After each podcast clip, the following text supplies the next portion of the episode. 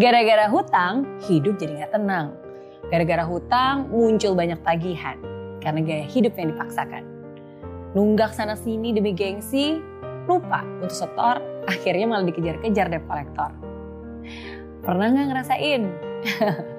ya, kadang kita tuh suka lupa ya. Suka tergoda dengan hal-hal yang indah, dengan barang-barang yang indah yang ada di depan mata.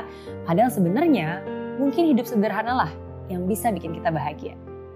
Ingat, jika ingin hidup yang tenang, bebas dari segala beban, kamu harus pandai-pandai atur prioritas. Jangan sampai kelewat batas. Berhutang sebenarnya nggak salah sih, asalkan dipenuhi kewajibannya. Mau utang, masa nggak mau bayar? Kalau mau utang tanpa sanksi, ya berarti kamu harus bisa melunasi. Pikirkan semuanya mulai dari hari ini, bukan lihat bagaimananya nanti. Semua harus direncanakan. Tapi Miss Mary, kalau hutang saya sudah menumpuk dan terus ditagih-tagih gimana dong? Kalau itu yang terjadi, kalau utang kamu terus menumpuk dan terus ditagih, berarti kamu harus sadar bahwa ada yang salah yang harus dibenahi. Niatkan diri, pelan-pelan hutang itu pasti bisa kamu lunasi. Cari cara, minta bantuan kepada orang yang mengerti. Setelah itu, ya juga diri, jangan sampai tergoda lagi. Ingat, nggak perlu yang mewah kok. Yang sederhana juga bisa bikin bahagia. Tidak semua hari baik, tapi pasti ada yang baik setiap harinya. Life is good with Mary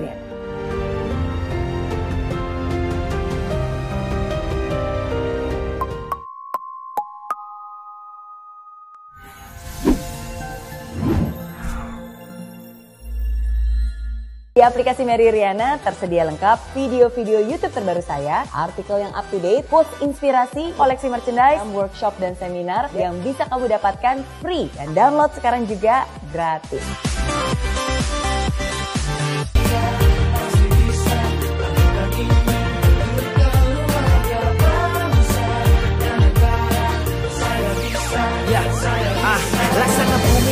Hujan, hidup tanpa tujuan, kering dan mati tanpa hijaunya tumbuhan. Ah, demikian kalau mimpi tak kunjung terjadi.